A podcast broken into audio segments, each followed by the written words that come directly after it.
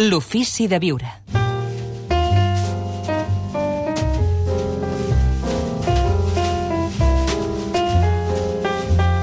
És l'hora del bloc de notes d'Àlex Rovira. Què tal, Àlex? Molt, bé, bona nit. molt bona nit a tots. Avui té una nota titulada Addicció a l'adrenalina. I que ho lliguem amb, el que parlàvem, amb allò que parlàvem la setmana passada, no? de, de com ens podem descentrar si no definim prioritats, si no definim un valor a, a les coses que hem de fer en el dia a dia.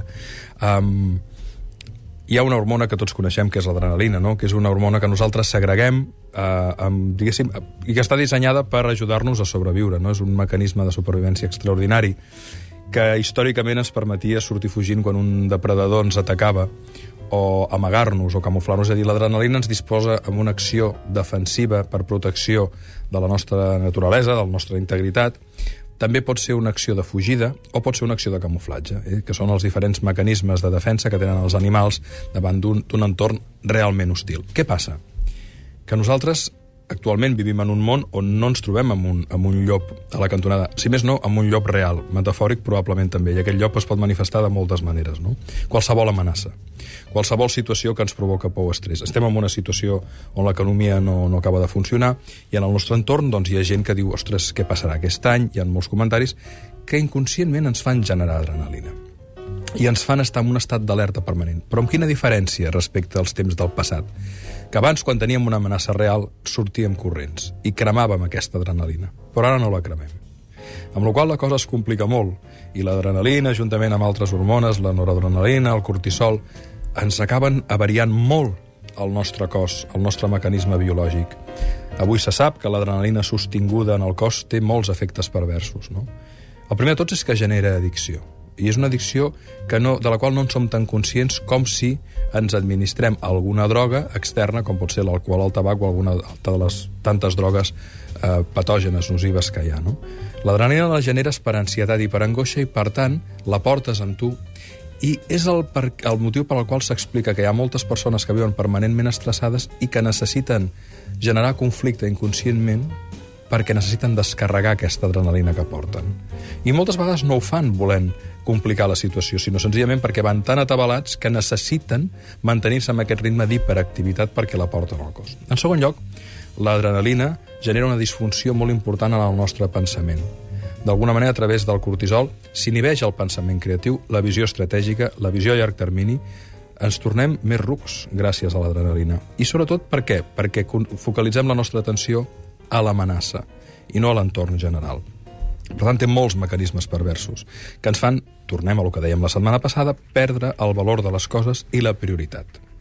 Enfront de l'adrenalina hi ha l'hormona de la felicitat. Gràcies, senyores, l'oxitocina. La vam descobrir perquè és la substància, l'hormona que generen de manera natural quan estan eh, portant la vida, no? quan estan parint. Eh, aquesta hormona té moltes bondats, inhibeix el dolor, però és que més sabem avui que l'oxitocina és la hormona que ens porta a l'estat de, la, de la plenitud, de la felicitat, a la sensació de fluidesa, a l'alegria. És aquella hormona que generem quan fem esport, i fa estona que estem fent esport, o quan estem amb els amics. a preguntar, a quina botiga la venen? A quina botiga? En el nostre cos, sempre i quan siguem capaços de crear circumstàncies que la generin, no? Una bona conversa, una passejada per la natura, una activitat esportiva, eh, una de les característiques que té l'oxitocina és que, a part de que ens fa sentir molt i molt, molt bé, si, si, si ens agrada fer esport, quan portem 20 minutets nedant a la piscina a bon ritme, o corrent, o caminant a bon ritme, és, tots experimentem els 20-25 minutets d'una activitat eh, no excessiva, moderada, moderada, però alteta, ens comencem a sentir molt bé. És com un estat d'eufòria que fins i tot genera una addicció positiva, no? I, i, i moltes vegades va acompanyat de detenir precisament, d'aturar aquella cadena de pensaments tòxics que ens acompanya. No? Hi ha molta gent que fa esport regularment i diuen que el fan perquè a partir de certa estona deixen de rumiar amb el problema i fan una mena de buit mental. No? Eh, L'oxitocina facilita molt aquest procés. Per tant, podem, de la mateixa manera que podem triar generar adrenalina, que ens portarà al mal humor, a l'angoixa, a l'ansietat, al tanto, eh? l'adrenalina d'una funció necessària, que és protegir-nos, però amb la dosi adequada, no? Si ens passem d'adrenalina, no només ens emmalaltim, sinó que emmalaltim el nostre entorn.